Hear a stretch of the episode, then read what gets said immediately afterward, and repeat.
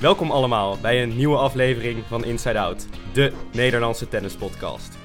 De profs zijn al een tijdje bezig, terwijl wij vandaag pas beginnen aan ons eerste volledige seizoen. En zoals altijd zit hier naast me mijn vaste dubbelpartner Jort. Uh, en Jort, jij bent normaal niet echt een ochtendmens, maar vandaag gaat het wel uh, lekker volgens mij. Je bent ook een beetje chef planning van de podcast. Wat hebben we dit jaar in petto voor onze luisteraars? Nou, een hoop in ieder geval.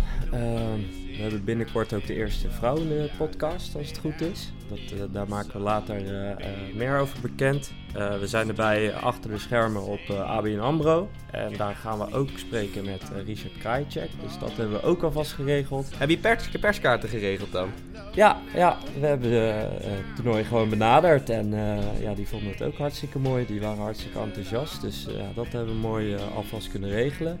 En ja, er staat nog zoveel op de planning. Daar later meer over. Uh, maar drukker dan de afgelopen paar maanden wordt het in ieder geval wel. Mooi zeg. Nou ja, zelf hebben we natuurlijk uh, als fanatieke tennissers ook voldoende plannen gemaakt voor komend jaar. Maar ik denk dat dat niet heel veel luisteraars per se interesseert. Wel heb ik deze week nieuwe rackets gekocht. Dus daar, daar verwacht ik veel van in het komende seizoen. Maar goed, we zitten alweer een tijdje te, te ouwe hoeren. We zijn uh, niet voor niks vanochtend vroeg met onze microfoontjes achter in de auto uh, op pad gegaan naar uh, Doorn in het midden van het land. Um, en dat doen we niet zomaar. Dat doen we namelijk omdat we een gast hebben. En die gast die is hier mede-eigenaar van een heuse tennis academy. een prachtig complex met een paar binnenbanen met een aantal talenten erop. Dus laat me nog even de tijd nemen om onze gast van vandaag nog uh, in iets meer detail te introduceren.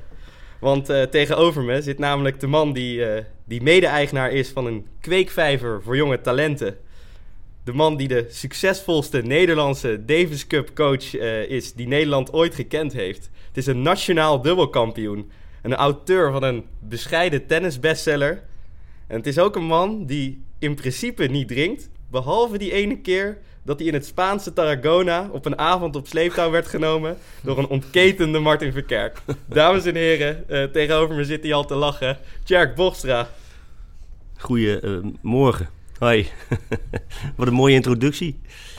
Prachtig. Ja, dat, ik, uh, dat, dat laatste wat je zegt, dat klopt inderdaad. Ik uh, ben helemaal geen drinker. En ik uh, me toen eens een keer laten verleiden door Martin. Toen hij met een soort van comeback bezig was. Ik was heel lang met hem aan het trainen. Toen gingen we een challenge spelen in Tarragona. En toen speelde hij zo teleurstellend daar, in ieder geval dat vond hij zelf. Dat hij, dat hij zei van nou nu gaan we ook de bar in en dan gaan we een borreltje drinken. En toen heeft hij zo lang om me in zitten praten dat ik op een gegeven moment maar even met hem meedronk. Maar dat, dat was inderdaad, uh, was nog steeds heel bescheiden hoor. Dus, maar dat klopt, dat verhaal. Ja.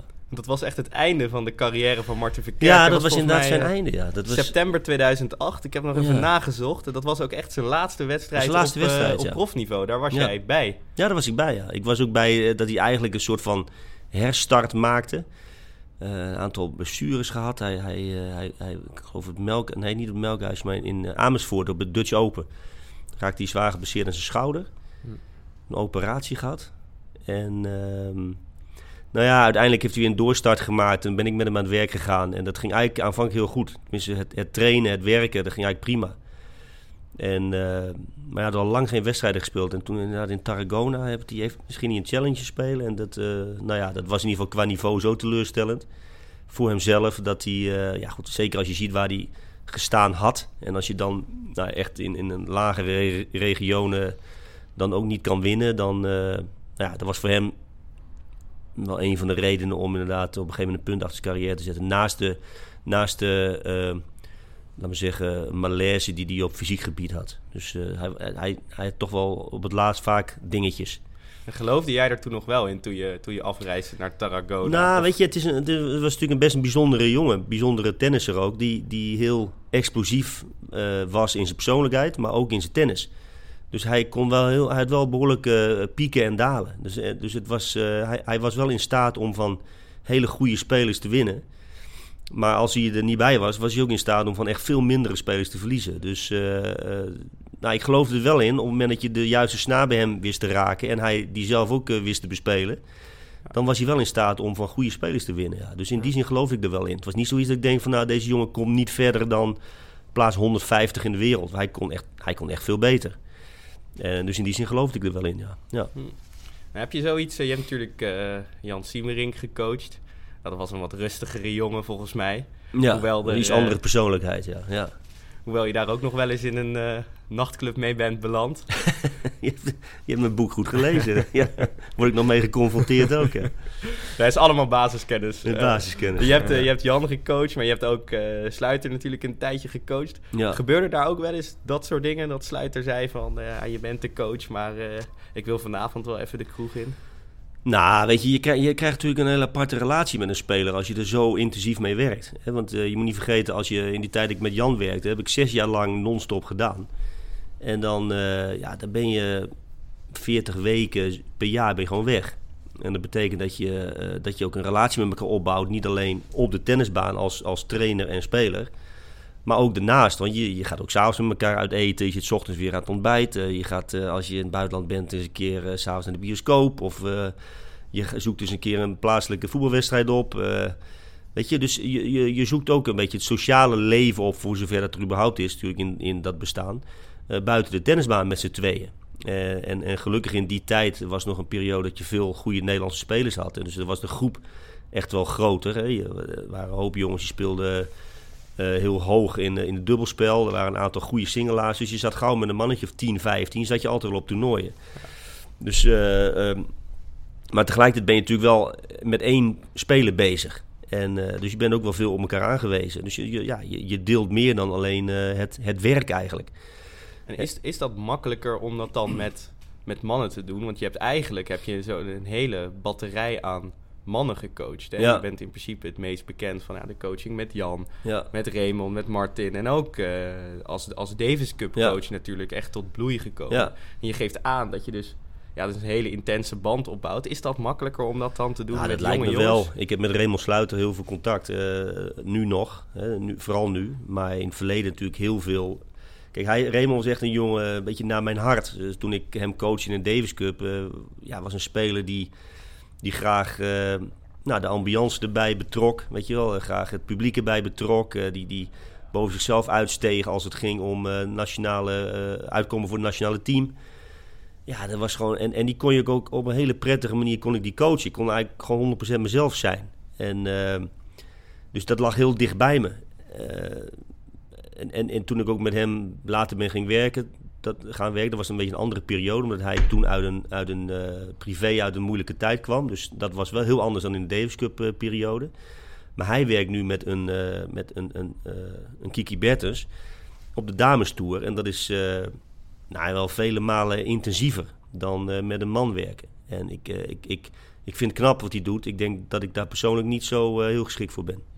Uh, je ziet het ook vaker in de damestennis, hè, dat er nu die coaches ook echt op die baan zitten. Ja. Eigenlijk om de haverklap. Maar ja, als ik zie hoe ze er dan zitten en hoe die meiden, die tennisters dan tegen die coaches soms doen, nou, dan zou ik al lang zeggen van, nou, hier, hier is mijn vliegticket, ik ben er vandoor.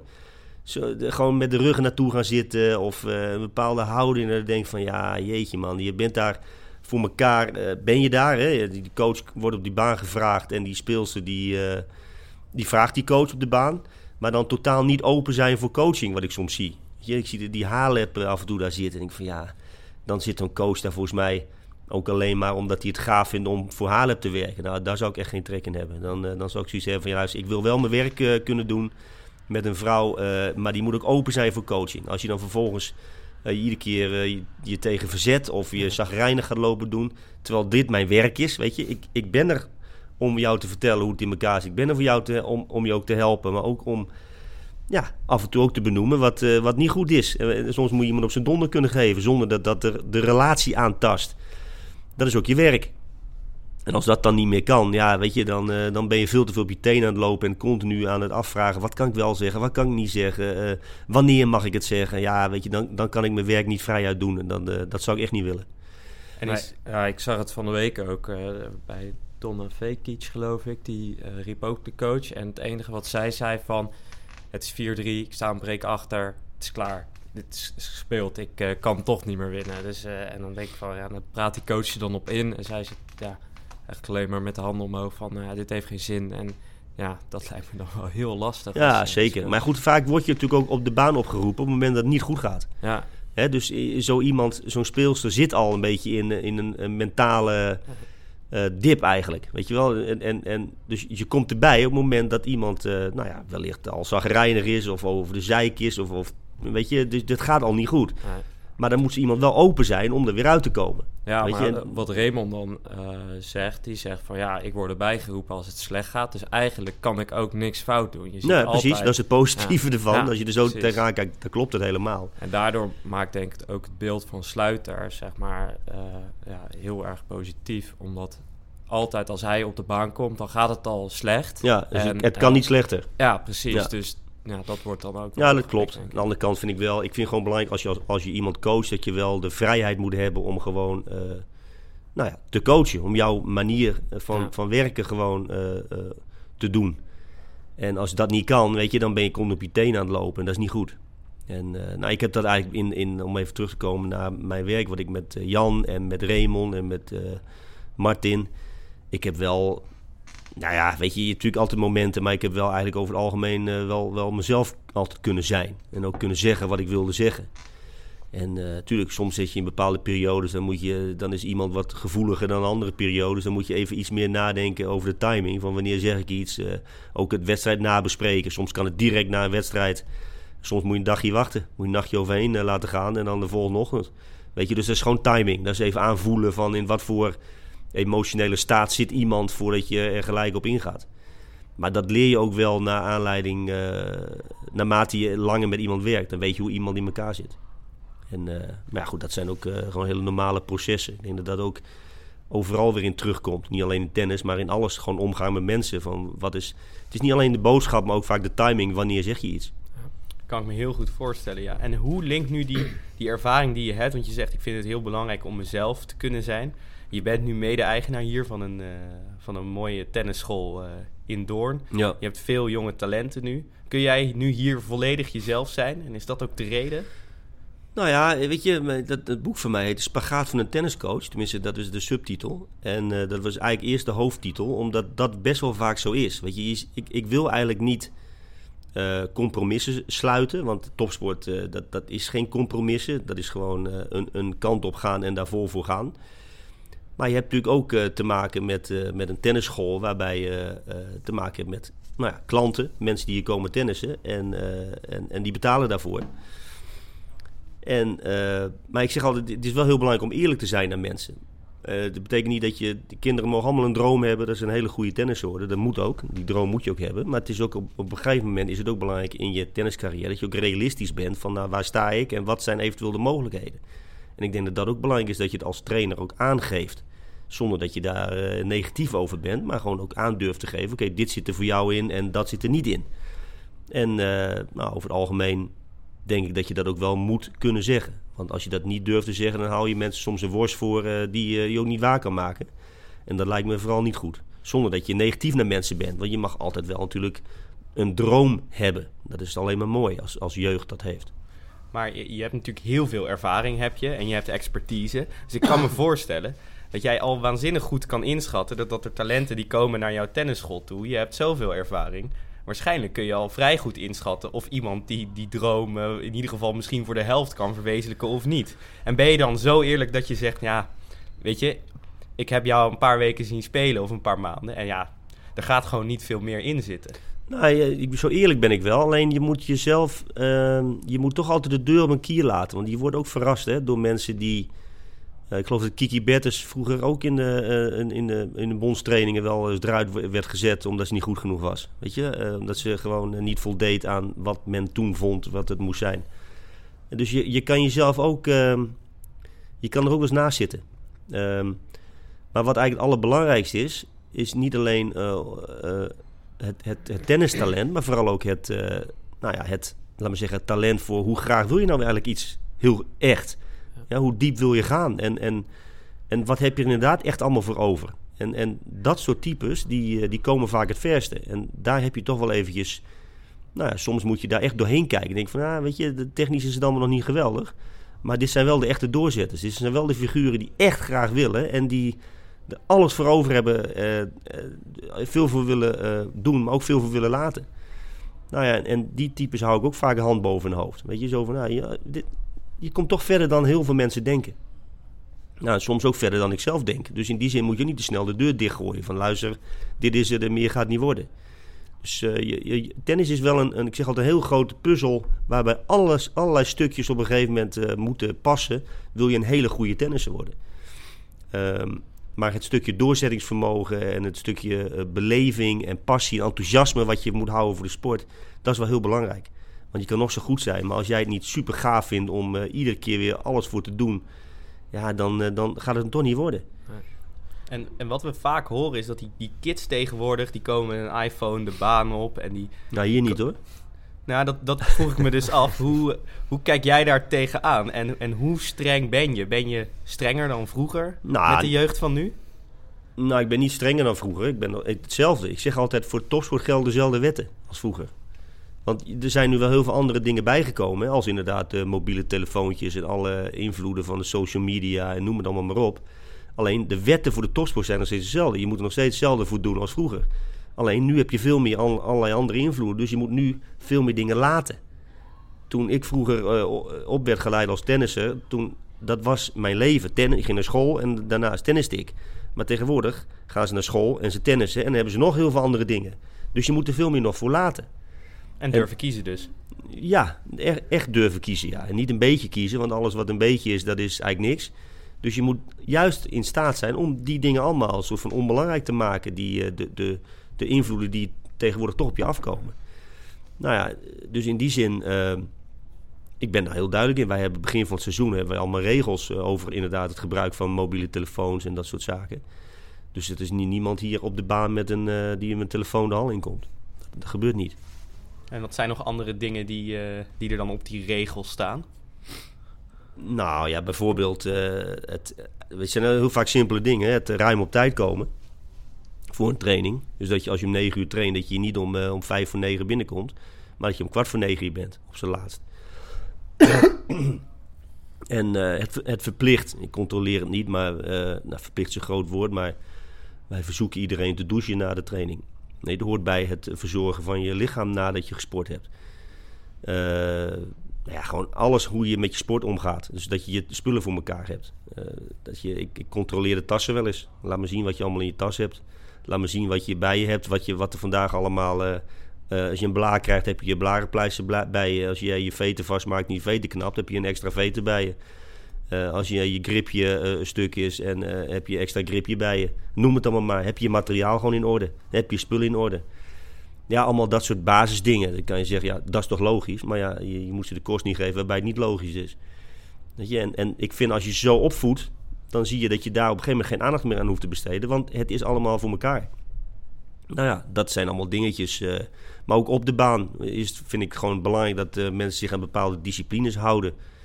Uh, geen rommel achterlaten op de tennisbaan. maar ook met elkaar op een goede manier omgaan. Er wordt gewoon hard gewerkt. Daarbij hoort ook dat je natuurlijk af en toe kan lachen en humor hebt met elkaar. Maar je komt om jezelf iedere dag te verbeteren. Dat is je doel. En dat doe je niet door, uh, door dingen half te doen of te klooien op de tennisbaan. Dus die sfeer hangt er gewoon eigenlijk altijd. En dat vind ik gewoon uh, essentieel. En of je nou uiteindelijk later je boterham mee gaat verdienen met tennis... of dat je kampioen van Utrecht wordt... die mensen kunnen allemaal op dezelfde manier hun sport beleven. En dat vind ik belangrijk dat je dat aan iedereen meegeeft. Ja, ik herken daar een, uh, een heleboel elementen zeker van. Ik heb zelf vroeger ook het hele trajectje gedaan. We zijn elkaar nog een keertje vroeger tegengekomen op de Rijenhof voor een, uh, voor een loodgroepje. Kwam je daar een keertje langs? Ja, ik heb daar nog een aantal jaar bij Fris Don gewerkt. En ik heb voor District Den Haag heb ik nog uh, heb ik wat begeleidingen gedaan. Dus ik, uh, het zou kunnen dat je daar tegen bent gekomen. Maar ja, dat weet jij beter dan ik. Ik, her, ik herken het heel goed. En, en ja, over dat... Ik denk dat het heel goed is dat die, die school hier... En dat, dat, dat kwam op ons net toen we hier even stonden te kijken... kwam dat ook echt over. Dat hier, hier hangt een professionele sfeer. En dat ik denk dat je ze daar uh, heel goed in begeleidt. Over een uh, professionele sfeer gesproken uh, trouwens. kijk, ons podcastseizoen is pas net begonnen. Maar de profs die, eh, die zijn natuurlijk eind december alweer Ja. richting eh, Midden-Oosten of eh, Gewoon rond de kerstdagen het vliegtuig in. het vliegtuig in. Het seizoen is eh, weer begonnen. Eh, Kiki heeft de eerste punten en de eerste racketmeters van 2019 eh, alweer binnen. Ja. Federer pakte de Hopman Cup. Djokovic eh, was bezig in eh, Doha. En zelfs Leighton Hewitt heeft weer eh, een paar potten op het hoogste niveau gewonnen. Hij heeft gedubbeld, hè? Ja, die, eh, die, die dubbelt daar met wat jonge talenten. En ja, die stond ook het, weer ja. halve finale, geloof ik.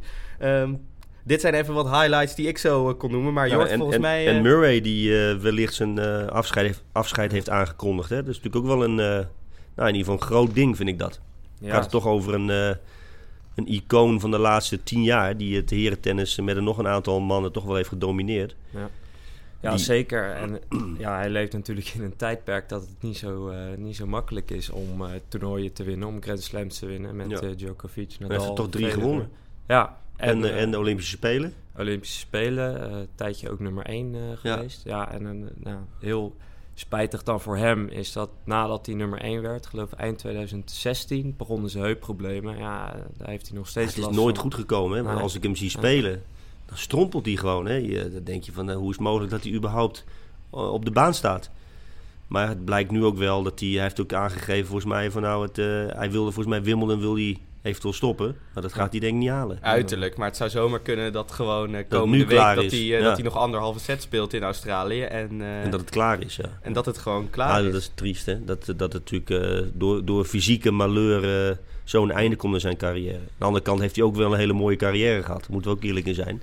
Zeker. Dus we hoeven in die zin geen medelijden met hem te hebben. Maar het is natuurlijk altijd vervelend dat eh, door zoiets een, een abrupt einde eraan komt. Had jij het al door dat eh, toen eh, Davis Cup ontmoeting, dat was eh, denk ik al ruim tien jaar geleden, speelde Nederland tegen Groot-Brittannië, volgens mij onder jouw Ja, leiding. nee, nee, was ik niet meer bij. Volgens mij was de eerste ontmoeting waar ik niet bij was. Ja, jij was toen volgens mij wel coach van, eh van Raymond. Of toen Ja, dat klopt. Ja. dat klopt. Dat was, ik, ik Raymond was, speelde tegen Murray, toen was Ja. hij nog geen 20 jaar volgens mij. dat was de eerste ontmoeting zonder mij. Nou, Maar Raymond speelde daar. Raymond speelde tegen Andy Murray. En, eh, nog dat ik Raymond daarvoor aan de telefoon had in die week. Dat hij, eh, nou ja, goed, dat waren wel de privégesprekken tussen hem en mij. Maar hij had toen moeite dat eh, het feit dat ik daar niet bij was. Gewoon omdat het- hij was onder mij begonnen in die Davis Cup. Ja. En hij had nog nooit iemand anders meegemaakt dan, dan dat ik daar had gezeten. Dus voor hem was het ook, nou, die wisseling was, was voor hem ook lastig. Maar goed, ik klopt inderdaad dat hij toen... Moest hij tegen Murray spelen Ja. toen? dat was drie sets eh, eh, voor Murray. Oké. Eh, ja, weet je daar nog wat van? van die, Nee. je Ik was weet- er ook ik- niet bij. Nee, ik was er niet bij, nee. Ja. Nee. Heb je Murray een andere keer nog zien spelen van eh, dichtbij? Nou, in, in Rotterdam. Maar ik heb eh, dus eigenlijk... Kijk, Federer heb ik, heb ik tegen gecoacht. En Nadal heb ik tegen gecoacht in de Davis Cup. Maar Murray niet. Die is toch iets da- net eigenlijk daarna gekomen. Ja, ja, klopt. En Djokovic ook. Is net daarna gekomen. Dus ik heb, eh laat me zeggen, de generatie hiervoor... eh, natuurlijk allemaal van dichtbij meegemaakt. Maar ook Berdig nog heb ik ook meegemaakt. Die was toen ook... eh, die, wij speelden toen tegen Tsjechië. Haas heeft zijn debuut gemaakt tegen Tsjechië. Tegen Berdig. Onder mijn leiding. En toen was Berdig ook nog jong, maar ook heel erg goed. Soms toen ook 13 van de wereld toen hij tegen ons speelde. Dus die, die spelers die nu nog spelen, heb ik er ook een aantal van meegemaakt. Maar ook een heel groot deel natuurlijk niet. Er komen steeds weer nieuwere spelers bij. Maar Murray heb ik niet, eh, net niet meegemaakt. Nee. Maar ik vind wel de manier waarop hij speelt. Kijk, het is niet mijn type speler als het gaat om eh, de manier van spelen. Maar ik heb ongelooflijk veel respect voor. eh, ik vind het heel knap zoals hij en, en eigenlijk Djokovic ook, hoe, hoe die kunnen verdedigen. Dat zijn echt de beste verdedigers van de wereld. Hè, dit, dit zijn niet de stylisten van dingen die je bij, bij een Federer ziet. Ehm, maar hoe zij iedere keer weer de tegenstander weer een bal laten slaan. En steeds weer het gevoel hebt als tegenstander verdorie. Ik dacht dat ik het punt had, maar het, punt, het is nog steeds niet afgelopen. Dat is wel echt ongelooflijke kwaliteit. Waar denk je dat dat dan in zit? Is dat pure fysieke kracht of komt daar ook iets mentaals nog bij kijken uit jouw Combinatie ervaring? fysiek, maar ook ogen. Ik denk dat Murray eh, waanzinnig goed kijkt. Heel goed ziet. eh, heel snel op de juiste plek is. Eh, maar ook ongelooflijke benen. Maar hij kan heel veel belopen. Natuurlijk heel erg snel. Maar ook steeds weer in staat zijn om eh, die bal gewoon weer binnen de lijn te slaan. Dat klinkt simpel, maar er zijn heel veel spelers die als ze in het nauw zijn... vaak met een bal op de proppen komen. Een soort van 1 op 10 bal. Het gaat een keer goed, maar het gaat natuurlijk veel vaker fout.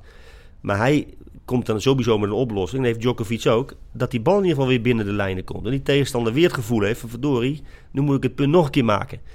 Nou, dat is wel een, eh, een, ook een mentale uh, opponent of, of, component die, die het met zich meebrengt. Want die tegenstander voelt weer van, hey, ik heb punt nog niet binnen. Terwijl ik toch eigenlijk al drie, vier hele goede ballen geslagen dit punt. Maar ik heb punt nog steeds niet binnen. Hij komt weer terug.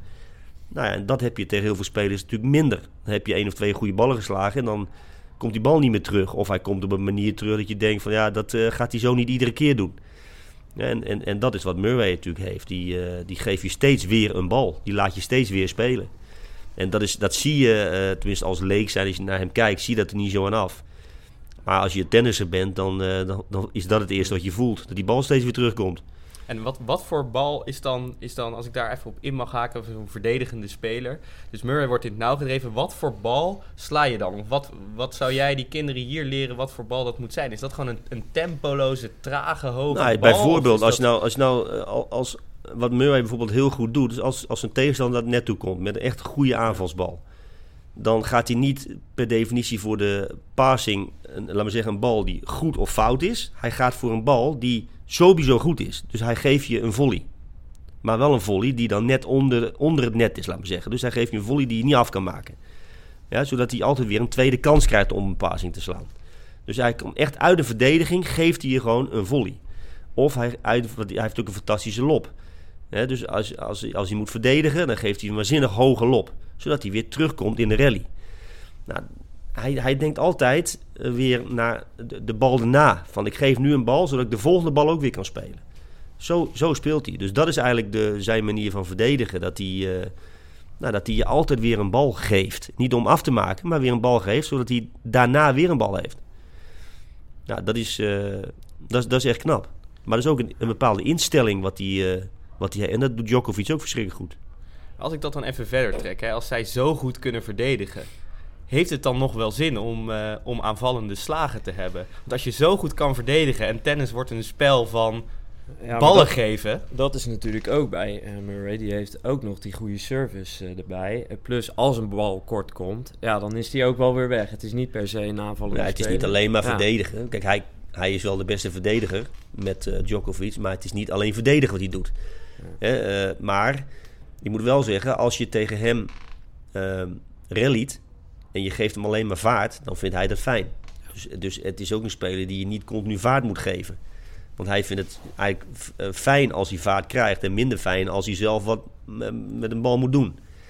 Dus uh, ja, tegelijkertijd, uh, ja, het lastige met dit soort types is altijd van als je te weinig tegen ze doet, dan komen ze zelf.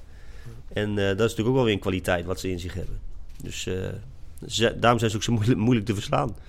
En daarom zijn zij ook types geweest die ook van Federer konden winnen.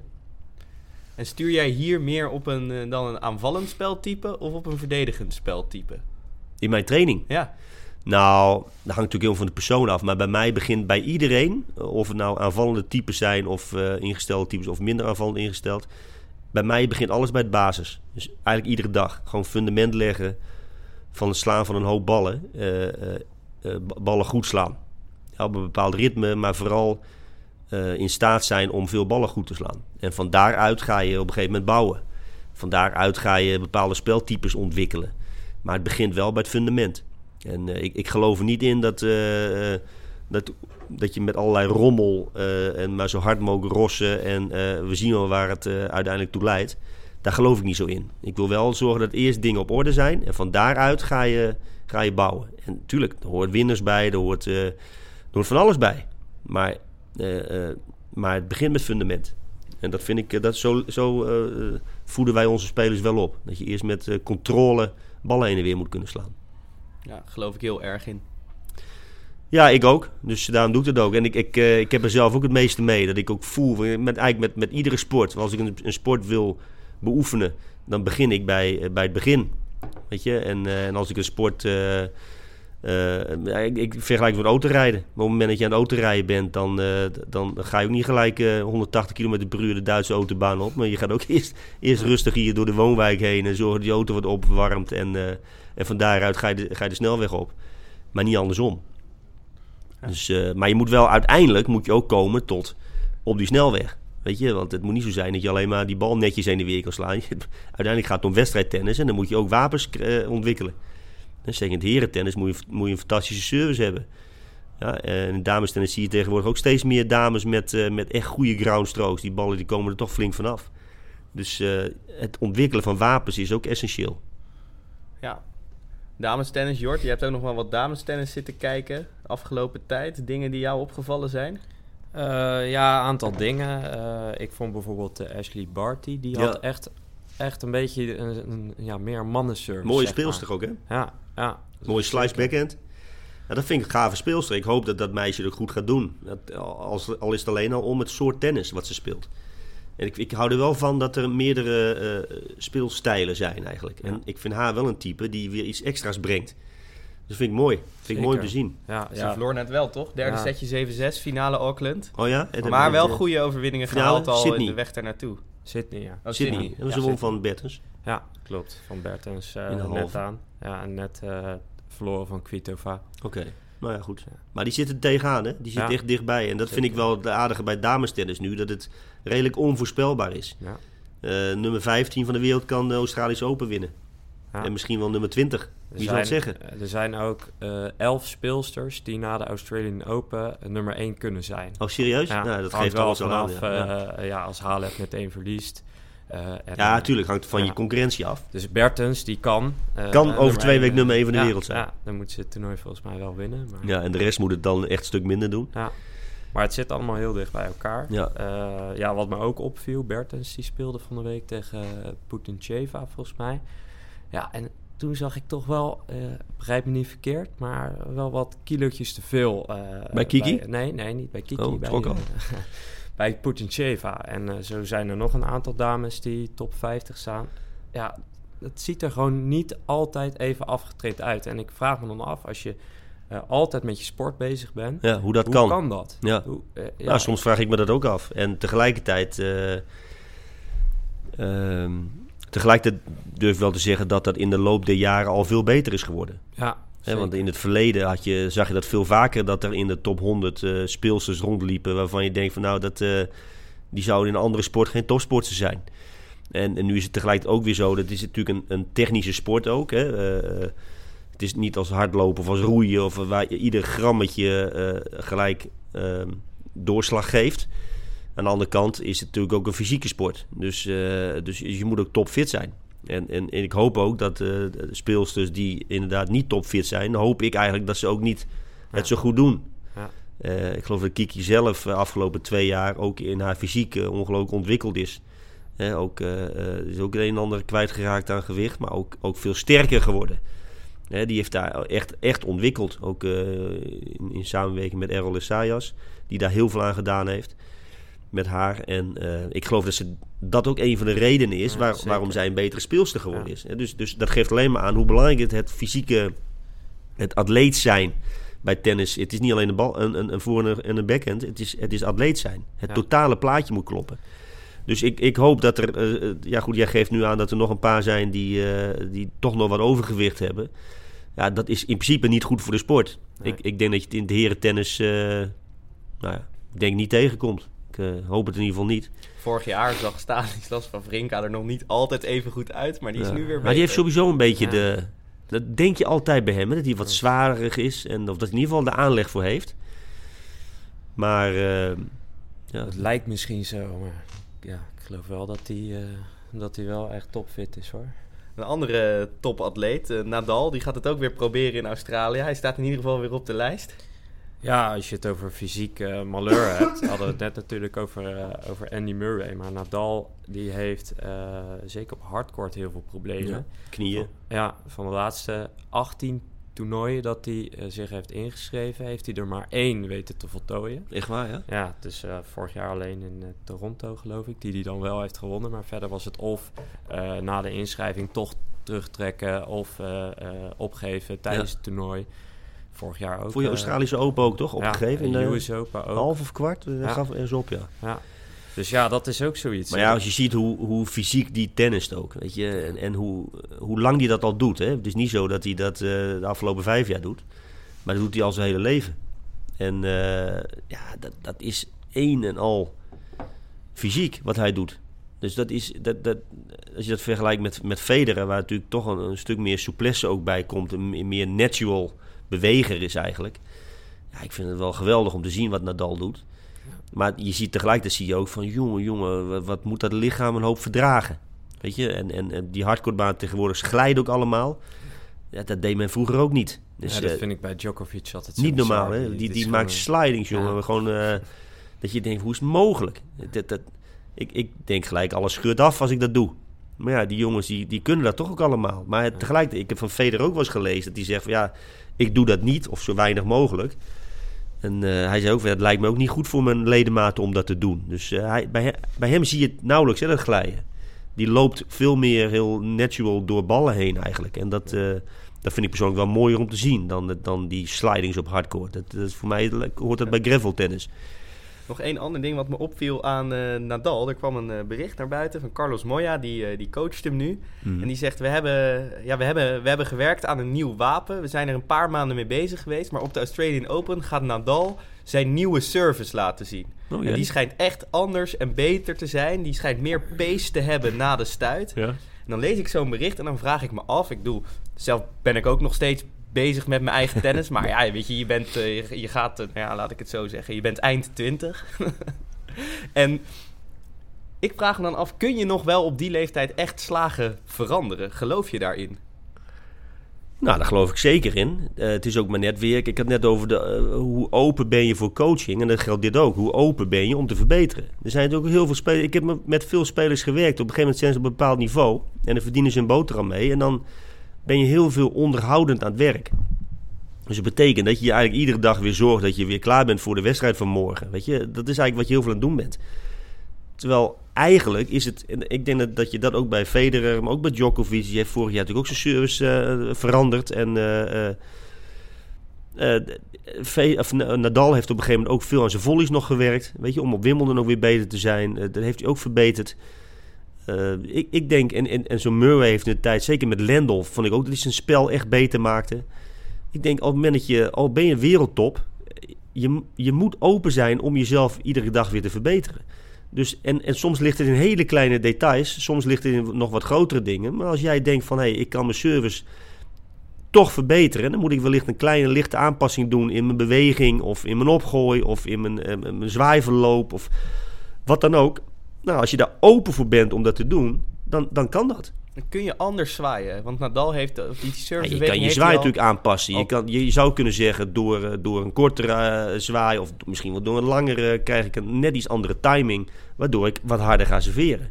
Dat kan. Ik zit ook met spelers, maar goed, dat zijn al jeugdspelers. Zit ik ook wel te zoeken vaak van oké, wat welke service past hier nou het beste bij? Wat komt er nou, met welke beweging komt er nou de beste kwaliteit service eigenlijk uit? Nou ja, dat zoeken, dat, in principe houdt dat nooit op. Je probeert jezelf wel te verbeteren. Dat betekent niet dat je altijd maar op zoek bent naar een andere beweging. Hè, soms zitten dingen ook goed en dan ga je alleen maar slijpen, slijpen om het, om het steeds weer te verbeteren. Herhalen, herhalen om het te verbeteren. Maar soms is het ook wel zo. Kijk, Nadal heeft best wel een, een, best een bijzondere servicebeweging. Dus, maar hij heeft hem een beetje kort. Nou, misschien heeft hij hem nu wel iets langer gemaakt. Ik weet het niet. Ik weet niet wat je bedoelt. wat Moja gezegd heeft. Maar we gaan, we, gaan, we, gaan het zien, ja, we gaan het zien. eh, soms is het een, een klein detail. Dat je denkt van, hé, hey, daar is iets in veranderd. Nou, ik vind het ook wel gaaf dat je op eh, die leeftijd, op, vooral op dat niveau... dat je alles al bereikt hebt, alles al gedaan... en dan toch nog zoiets hebt van, hé, hey, ik wil nog iets veranderen om dat te verbeteren. Nou, dat vind ik eigenlijk wel heel gaaf. Dat is ook een voorbeeld weer naar eigenlijk alle tennissers toe... die, eh, eh, die, die, die, die misschien denken van, nou, ik, eh, ik, ik hou het zo zoals het is. Nee, probeer te verbeteren. Niet altijd veranderen, maar wel verbeteren. En soms moet je kleine veranderingen toepassen. Ja, ik ben, eh, ik ben heel benieuwd. eh, als Soms is het ook goed om dingen uit te proberen. Om te kijken, nou weet je, ik vind dat mijn volley nog niet goed genoeg is. Misschien moet ik een klein beetje dit, een klein beetje dat doen om hem te verbeteren. En dan moet je ook open voor zijn om het te trainen. Maar je moet ook niet gelijk denken, als ik dat doe, dan is het morgen allemaal eh, een stuk beter. Het heeft ook tijd nodig. Maar goed, Nadal is al een tijdje uit nu. Dus het kan best zijn dat hij die tijd ook gebruikt heeft om, om zijn servicebeweging wat te, te, te- aan te passen. Ja, ik vond het in ieder geval denk ik, heel tekenend ook voor zijn, eh, voor zijn spel en voor zijn karakter. Dat op die leeftijd komt er een bericht naar buiten. Ik heb mijn service aangepast. Misschien is het ineens met rechts. hij gooit ook met rechts, hè? Ja, hij is eigenlijk... Hij is rechts. Ja. Ja. Alleen uh, Grappig, toen ja. hebben ze gezegd uh, vroeger van jij moet met links gaan tennissen, dat gaat je verder helpen. Nou, ze hebben in ieder geval denk ik geen ongelijk gekregen. Nee. Absoluut.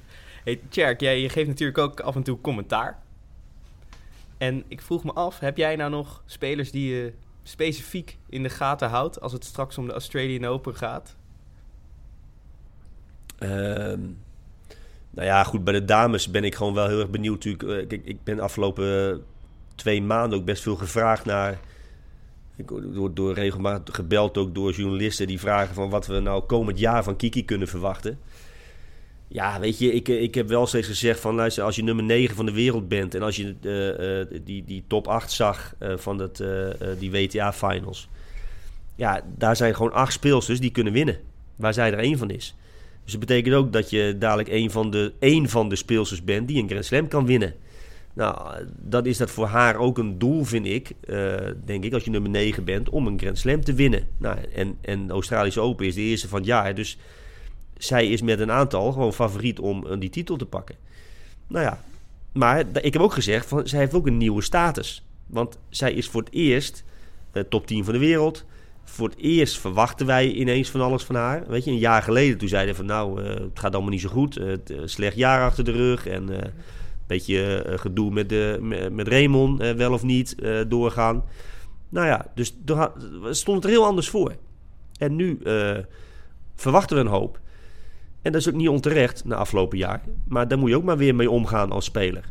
Of als speelster in dit geval. Hè? Van hoe, hoe gaat zij met de, uh, nou ja, de verwachtingen om, met de druk van zichzelf, van de, uh, uh, haar, haar team om haar heen. Maar ook met van, van de journalisten en, en, gewoon van het volk. Het is nu, als we het over Nederlands tennis hebben, hebben we het over Kiki Bertens. Dus dat, dat, dat brengt zij nu ineens mee. Nou ja, ik ben benieuwd hoe ze daar naar handelt. We zullen het zien. En, dus ik, ik, ik, ik, uh, daarom vind ik het wel mooi dat ze nu in ieder geval een halve finale gespeeld heeft. Dus, dus het is niet zo dat ze nu twee keer in de eerste ronde gespeeld heeft. En waardoor het gelijk aan je zelfvertrouwen gaat knagen. En je denkt van nou, weet je, lekker begin. Nee, het is eigenlijk een prima begin. Weet je wel, halve finale gespeeld. Ze heeft alweer wat wedstrijden achter de rug. Dus ik denk dat het een, een, goed, goed begin is voor de Australische Open. Waarbij ze best met vertrouwen in kan gaan, lijkt mij. Dus op dames, uh, voor dames nooit ja, kijk ik natuurlijk het meest naar Kiki. En uh, voor de rest ben ik niet zo'n fan van de damestennis. In de zin van, uh, goh, wat zie ik allemaal voor mooie dingen. Of zie ik voor speciale uh, gaaf tennis. Weet je, dat zie ik te weinig eigenlijk om het echt gaaf te vinden. Ik vind dat die Barty die je net noemde, dat vind ik wel een, een, een goede aanvulling voor de damestennis. Ja. Dus ik hoop wel dat dat soort types nou ja, het, het goed gaan doen. Ik vind dat, dan, dan kijk ik er wel graag naar. Uh, voor de rest vind ik het vaak wat eendimensionaal. Uh, ze spelen heel vaak toch hetzelfde. Weet je wel, gewoon hard, recht toe, recht aan. Uh, nou ja, ik, dus alles wat daar een beetje uitzondering op is, daar ben ik eigenlijk wel voorstander van. En Kiki, die zag ik afgelopen jaar ook steeds meer. Die komt af en toe ook met wat meer variatie in het spel. Dus dat vind ik wel, vind ik wel een, een vooruitgang. Ja, ze is steeds uh, completer aan het worden ja, eigenlijk. precies. Durft ook te volleren, durft van vaker in te komen. Speelt af en toe een dropshot. Weet je, dus het is iets gevarieerde tennis dan alleen met eendimensionaal. Dus ik hoop dat dat vooral bij damestennis wat, uh, wat meer gaat gebeuren. En bij de heren, uh, ja, weet je, je, je verwacht en ik hoop ook wel dat, dat er nu toch weer wat, wat laten we zeggen, een nieuwe generatie uh, op de deur klopt. Dat niet de geëikte top drie de vier Grand Slams gaan winnen. Dus ik... ik dat vind... hoop je, maar wat denk je realistisch? Nou, ik denk, het, ik denk uh, dat alleen Djokovic een kans maakt om een Grand Slam te winnen van de top drie. Alhoewel het altijd gevaarlijk is om te zeggen. Zeker met Nadal, want die uh, vind ik toch, uh, ja, als, die, als die wel topfit is, dan is hij absoluut kans hebben. Maar dat hangt van zijn fysieke gesteldheid af. En Federer, dat denk dat die, uh, dat die over zijn, ja, is gevaarlijk wat ik zeg, maar ik denk dat hij over zijn top heen is. Uh. Ja. Maar het is wel gevaarlijk wat ik zeg. Ik bedoel, Hopman dat... Cup, begin dit jaar, weet je, Zverev is gewoon 6-4, 6-2. En natuurlijk is de Hopman Cup ja. is niet een groot podium. Maar aan de andere kant, hij heeft gewoon uh, volgens mij dit jaar in drie wedstrijden nog geen service game verloren. Nee, nee dat is, maar daarom zeg ik, het is heel gevaarlijk wat ik zeg. Alleen de kans, denk ik, wordt wel steeds kleiner dat hij een Grand Slam... Uh, ja, dat, dat lijkt mij dat de kans steeds kleiner wordt. En dat is ook realistisch natuurlijk wat ik zeg. Dus dat is ook geen gevaarlijke uitspraak. Nee. En ik vind het ook wel goed om er nu uh, nou ja, wat, eh, wat, wat tegenvalt eigenlijk al anderhalf jaar is die Dimitrov. Ja, zeker. Daar had ik steeds meer van verwacht. Maar daar verwacht ik nu niet zoveel meer van. Maar die, Sterker nog, die is weer naar beneden Ja, die is echt weg. eh. Weet staat je- hij nog top 20? Volgens mij niet eens nee, meer. nee, nee. Net- hij won de, hij wel, won de net ATP Tour Finals in, negen- in, eh, in, in Eind vorig jaar. 2017. Hè? Ja, klopt. Nou, en dat is allemaal weg. Ja. Raonic, eigenlijk hetzelfde verhaal. Raonic, staat ook maar die is ook veel geblesseerd 15. geweest. Ja. Die Dimitrov die is volgens mij niet zoveel geblesseerd geweest. Maar die doet het gewoon heel lang niet goed. Nee, klopt. Ja, dat sowieso- valt me tegen, want dat vond ik wel echt een speler waarvan ik denk van nou, dat is ook een allround tennisser. Een beetje, de, de, de- een beetje Federer-achtig. Een beetje iets minder dan Federer uiteraard, maar wel, wel een nou, top 5 speler. Ja, toen ook twee jaar terug met de Australian Open. Toen won hij bijna aan de halve van Nadal. Toen kregen we daarna natuurlijk Federer en Nadal in de finale. Mhm. Maar toen stond hij volgens mij in de vijfde set ook een break voor. ja, eh, toen stond hij heel dichtbij nou Ja. ja, een finale. In een finale, ja. En dan kan je hem ook winnen Ja, natuurlijk. dus, eh, zeker. maar ja, vorig jaar was het natuurlijk dramatisch. eh, van Dimitrov. Wat ik zelf zo raar vind, is dat geen enkele speler die nu in de 20 is, heeft ooit een set in een Grand Slam finale gewonnen. Dus je had Silic, die is net 30 geworden, maar verder Raonic niet, Dimitrov niet. Nou, wie heb je nog meer? Team niet, die heeft wel finale gehaald. Ook geen set gewonnen, dus eigenlijk die hele generatie eh, ja, van spelers die nu eh, 25 tot 29 zijn. Oké. Nishikori. Nishikori eh, ook niet. Die verloor toen in drie sets eh, van, Silic? van Silic. Dus die hele generatie, die, ja, die heeft eh, natuurlijk ook te maken gehad met eh, Djokovic, Federer, Murray. eh, Nou ja, goed, het zijn allemaal ehm, natuurlijk eh, feiten. Ja, Maar goed, eh, dat is ook allemaal het verleden. ja, zeker. Weet je, dus eh, die feiten zijn natuurlijk allemaal gebaseerd op het verleden. En die, en, en die zijn niet van nu. Dus het, eh, of voor de toekomst. Dus het- dat kan ook allemaal gaan veranderen. Ik, ik zie toch wel een paar spelers, onder andere Zverev, die, die ik toch wel Grand Slam zie gaan winnen. Wellicht dit jaar al. Misschien nu al, de. Australische Open. Verder toch viel eh, Medvedev mij ook nog eh, ontzettend op. Zo tweede helft vorig jaar. Ja. Dit en jaar die, en volgens die mij Rus, die eh Kachanov. Ja, die is ook goed. Die won natuurlijk van Djokovic aan het eind van Ja, het jaar. die wint Parijs. Ja, je, indoor. Dus ja, dat zijn natuurlijk toch spelers die dat wel kunnen. Ja. Alleen het winnen van een eh, Grand Slam, best of five, eh, zeven wedstrijden lang, want dat is het hè, zeven wedstrijden best of five. Ja, dat is toch een ander verhaal. En eh, ja, dat, dat, is, dat is natuurlijk niet voor niet zoveel spelers weggelegd. Maar ik, dat zijn wel spelers die het zouden kunnen. Ik, eh, Zo'n Tsitsipas eh vind ik een goede tennisser. de Minauer is Ja, een, die vind ik heel goed. ja. Ja, die vind ik ook. Die is 19, hè, die ja, jongen. En die is nog Maar dat heel, is ook- heel klein, heel tenger. Dus als Maar die is snel, Ja. ongelooflijke benen. Ja, het is echt net een soort Hewitt eigenlijk. Ja, ja. Nou, hij komt nog iets meer uit zijn... eh, ehm, iets drukvoller. Ja. Dat wel dan Hewitt. Hewitt was, speelt niet zo drukvol, maar wel ongelooflijk loopvermogen. hè. En mentaal zo sterk. Dat is ook zo'n speler waar je gewoon eh, drie keer langs moest om, om van te winnen. Maar die Minar is natuurlijk ook zo'n... eh, ja, als je die ziet tennissen, dat is een, dat is een superatleet, man. Die gast die is snel. Ja, en er zit ook een goede kop Er op. zit een goede kop op, rustig. Maar die jongens, die moet nog 20 worden dit jaar. Ja. Dus dat is ook één voor de toekomst. Ja, die stond nu eh, in de finale ook van... eh, En die jongen kan ook winnen. Ja. Dus Dat zou maar zo ook een Grand Slam winnaar kunnen zijn. En ik vind Team misschien wat eerder voor Roland Garros. ja, Weet je, dat vind ik ook echt een goede. Als die, als die top is, dan vind ik die ook. Nou, dan kan die ook. Een, die kan Roland Garros winnen, denk ik. Vind ik toch wel een van de kanshebbers. Dus er zijn, er zijn er wel meer. We noemen toch al een aantal spelers nu waar we best wel eh, een en ander van kunnen verwachten. Maar het is niet zo dat je zegt van volgens mij krijgen we de komende tien jaar weer eh Federer, Djokovic eh, en Nadal. Dat denk ik niet. we krijgen wel, laat me zeggen, denk ik misschien tien spelers of, of misschien iets minder die het dan die het wat meer afwisselen van elkaar. Maar wat dat betreft denk ik niet dat, dat het record van Federer zomaar verbroken wordt. En als het verbroken wordt, dan wordt het verbroken door Nadal of heel misschien Djokovic. Ja, ik denk dat als je straks een groep hebt van tien spelers, hè, dat aan de ene kant maakt dat natuurlijk tennis wat spannender. Aan de andere kant, zoals eh John eh, van Lottem het ook al terecht zei, ja, er zitten ook nog niet echt spelers tussen die in een eentje een stadion uitverkopen. Dus wat dat voor de sport doet, vind ik nog lastig. Ja. ja, de toekomst zal het wijzen. Weet je, je hebt dat, ik denk dat iedere generatie dat wel weer heeft. Ik, eh, ik, ik, ik, ik, was, ik weet nog, vroeger had je al na Borg Mekkero dacht je van ja, eh, beter gaat niet worden. Wat nu? Weet je, dan heb je Samples Agassi gehad en dan denk je ook weer van ja, eh, die stoppen ermee. Ja, wat nu? En zo heb je steeds weer spelers die, die het eh, een, bepaalde periode heel goed doen. Dus ik, ik ben er niet zo bang voor. want Ik vind dat je nu ook wel weer een hoop, toch wel een hoop goede spelers hebt. Maar misschien niet inderdaad twee, drie of vier spelers die inderdaad ervoor zorgen dat, dat het stadion uitverkocht is. Maar ik, je ziet nog steeds wel, in, misschien wel iets meer in de breedte, gewoon natuurlijk heel goed tennis. Dat, eh, dat, dus in die zin ben ik niet zo bang voor het, eh, dat het tennis eh, niet meer populair of zo is. Genoeg ingrediënten dus voor enige, het enige wat ik wel een beetje mis, en- maar dat mis ik ook al heel veel jaren, is gewoon... Ik had gisteren Sheng en Schalk hier op bezoek. En uh, hadden we, het- nou ja, dat heb je natuurlijk over van alles en nog wat. Maar we het ook even over de, de variëteit van spelers. Van, laten we zeggen, vroeger. Hè, waar, je, waar je Rafter had, waar je Ruzetski had, waar je Krajcek, Siemerink had, waar je Sampras had. Die, eh, zo kunnen heel, de laatste was eigenlijk Lodra volgens ons gisteren, eh, dat we zeiden. Die echt heel veel inkomt. Stuart Volley speelt. eh, daar heb je natuurlijk, dat is een beetje weg.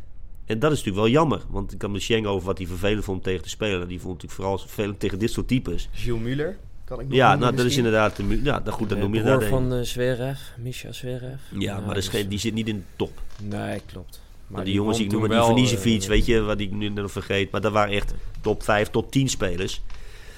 En die Grand Slams wonnen ook. Weet je, en eh, maar ja, daar heb je wel veel, veel minder van. Kijk, je moet nu echt al, je noemt Müller, je noemt Zverev, eh, die broer inderdaad. Maar, maar dat is het dan ongeveer, hè. En vroeger had je toch wel echt veel spelers die dat gewoon echt goed konden. En eh, dan zag je ook het, dat soort wedstrijden, dat soort type spelers tegen inderdaad de baseliners. eh, en, en dat was ook wel mooie clashes had je. Het is eigenlijk al begonnen met uh, Borg tegen. Ja, de een met fantastische passings en, de ander met een geweldige service volleyspel. En later was het Sampras tegen Agassi. Nou, en, en dat is wel steeds minder aan het worden. Dat vind ik wel jammer voor tennis. Dat, je, dat de variëteit aan, aan speltypes maakt vaak het, het, het, het, de sport heel erg mooi. Uh, want het kan ook heel mooi zijn om uh, hele goede verdedigers te zien. Ik vind het geweldig als ik zie wat, hoe Djokovic en Murray die ballen uit alle hoeken en standen... Uh, uit waar dan ook uh, die bal weer over het net slaan. Dat is geweldig. Dan komt een atletisch vermogen weer tevoorschijn. Ik denk van ja, hoe knap is dat? Ja. Dus dat, zijn, dat, dat maakt tennis mooi. Ja, genoeg ingrediënten in ieder geval voor, uh, voor komend seizoen, denk ik zo. Ja, het wordt wel een verrassend seizoen, denk ik. Ik denk dat het niet zo, niet zo voorspelbaar meer is. Wij uh, hebben zelf in ieder geval ook een paar poeltjes gemaakt. We doen, uh, we doen weer mee aan het klassieke ultieme tennisspel. We hebben in ieder geval bij de dames Barty in onze pool zitten. Dus dat, uh, dat gaat punten opleveren. En de rest van het seizoen Heel goed. gaan we ook af en toe een beetje in de gaten houden of we nog een beetje bovenin staan. Dus als jullie er niks meer van horen, dan betekent het waarschijnlijk dat onze, de door ons gekozen heren en dames... Uh, ja, het is interessant te kijken wie je verwacht in de top 8 terecht te komen. Kijk, zo'n Halep vind ik eigenlijk wel de... Ondanks het feit dat ze niet zo heel veel gewonnen heeft, tenminste op Grand Slam niveau vond ik haar wel de beste. Maar die, goed, die krijgt nu te maken met, uh, met, uh, met hernia en dat soort zaken. Ja, dan, dan kan ineens wel helemaal te kosten gaan van je hele jaar natuurlijk. En uh, ja, goed, daar zal ze volgens mij heeft ze nog steeds de naweeën van. En een slechte loting, toch? Australian ja, Open. Ze heeft uh, al heel snel. Uh, Kane in. Kane in. En daarna derde ronde al Venus Williams. En daar vierde ronde Serena. Oh, echt dus, waar? Uh, Halep die uh, nou is ja, eerste goed. geplaatst, maar die heeft nou niet echt een lekkere loting. Nee. Nou ja, aan de andere kant uh, zeg ik altijd van... Zij zelf in dit geval is natuurlijk ook een slechte loting. Dus, uh, ja, tuurlijk. Dus zo moet je ook als sporter ook kijken. Weet je, het is altijd mooi hoe mensen dan weer kijken over slechte loting. Maar ja, als je zelf een goede speler bent, ben jij ook die slechte loting. Ja. Dus in die zin... Maar het hangt wel van haar fysiek af. Ik vind haar wel al echt wel een gave speelster om te zien.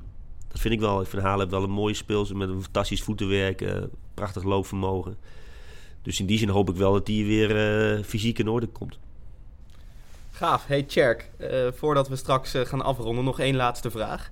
Ik zie hier achter een paar mooie baantjes liggen. Wij als fanatieke tennissers hebben natuurlijk de rackets achterin liggen. Is er nog een baantje vrij straks voor ons? Ongetwijfeld, jongens.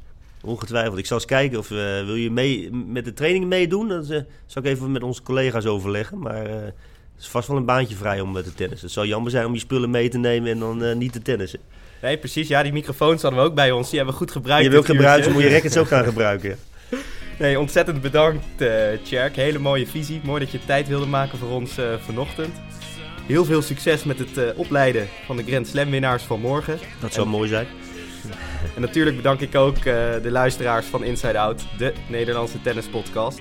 Leuk als je nog even laat horen wat je er weer van vond vandaag. Kan nog steeds op insideouttennis.nl, de sociale kanalen of via onze WhatsApp. Vinden we mooi. En tot de volgende keer bij Inside Out.